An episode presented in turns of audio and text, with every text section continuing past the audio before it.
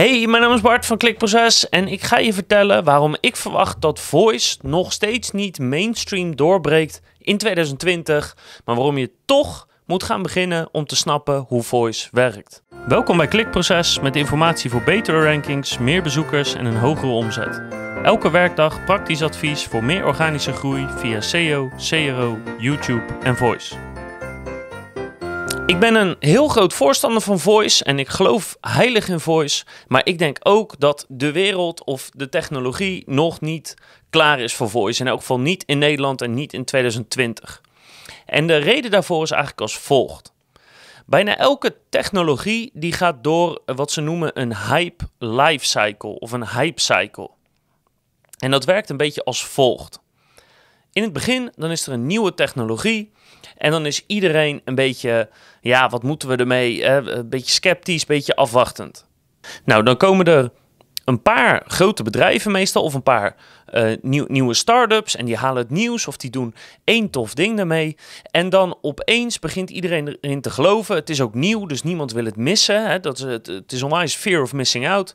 Dus de technologie, in dit geval voice, wordt gehyped en gehyped en gehyped. En dat was voor mijn gevoel het jaar 2019. Waarin iedereen en alles opeens voice zou moeten hebben. En als je geen assistant bent, hoor je er niet bij en bla bla bla. Maar wat je vaak ziet met een nieuwe technologie is. Het wordt heel erg gehyped. Dat was 2019.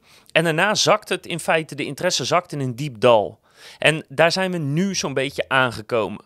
2020, of de start van 2020 in elk geval, wordt een beetje het, het jaar van de, ja, voice, wat moet ik ermee, kan het wel wat. En de reden daarvoor is dat er zijn wel wat Google Assistants, maar met ontwikkelen of met gebruiken merk je toch dat die tegen bepaalde beperkingen aanlopen.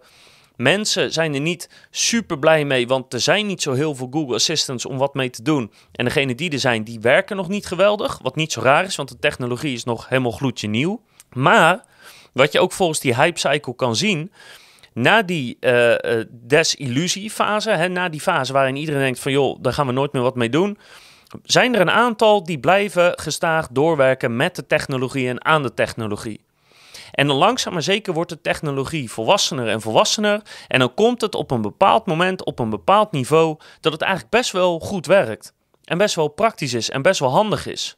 En dan komt er een soort een tweede groei, maar dit is een groei die gaat blijven. Dit is een groei omdat de technologie uh, goed genoeg is, de kinderziektes zijn eruit en er zijn genoeg mensen die ervan kunnen en willen gebruik maken. Dus 2020 wordt het jaar van de desillusies. Ik, ik verwacht dat je dit jaar eigenlijk weinig over voice hoort in Nederland, als ik eerlijk ben. Maar vanaf 2021, misschien iets later, denk ik dat er genoeg goede voorbeelden zijn. Dat er genoeg uh, smart speakers, dat er genoeg uh, mensen zijn die gebruik maken van voice in Nederland. En dat de techniek genoeg is doorontwikkeld om het echt heel praktisch en bruikbaar te maken. En dan kom je dus in ja, het laatste stukje van de hype cycle. En dat is namelijk dat er wel gebruik van wordt gemaakt. En dat zie je met heel veel nieuwe technologieën. Uh, met websites en shops heb je het ook heel erg gehad. Dus dat is mijn exacte verwachting. En daarom raad ik je toch aan om te starten met Voice in 2020, zodat je deze technologie kan gaan begrijpen. Net als met websites en webshops, maar dan zeg maar 15 of 20 jaar geleden. Zorg dat je ermee in contact komt. Zorg dat je snapt hoe het werkt. Bouw een simpele Google Assistant. Bouw een, een Amazon Alexa skill.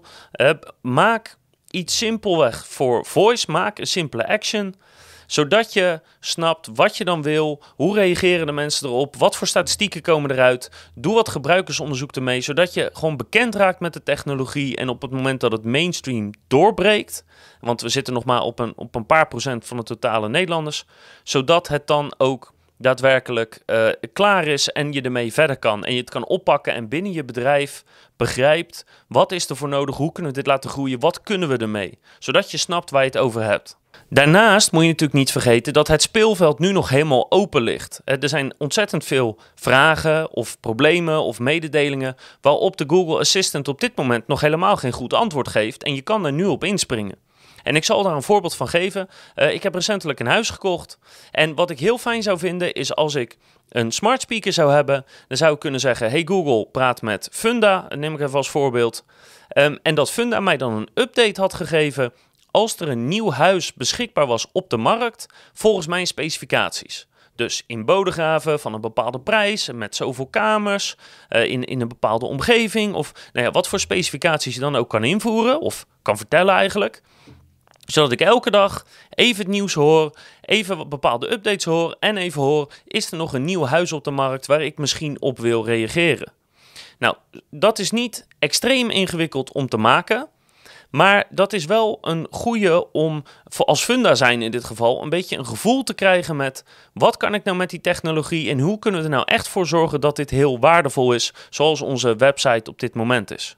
Dus Voice gaat nog niet in 2020 doorbreken. Als je nog niet met Voice bezig bent, geen probleem. Je mist echt nog niks. Ook als je komend jaar nog niks ermee gaat doen.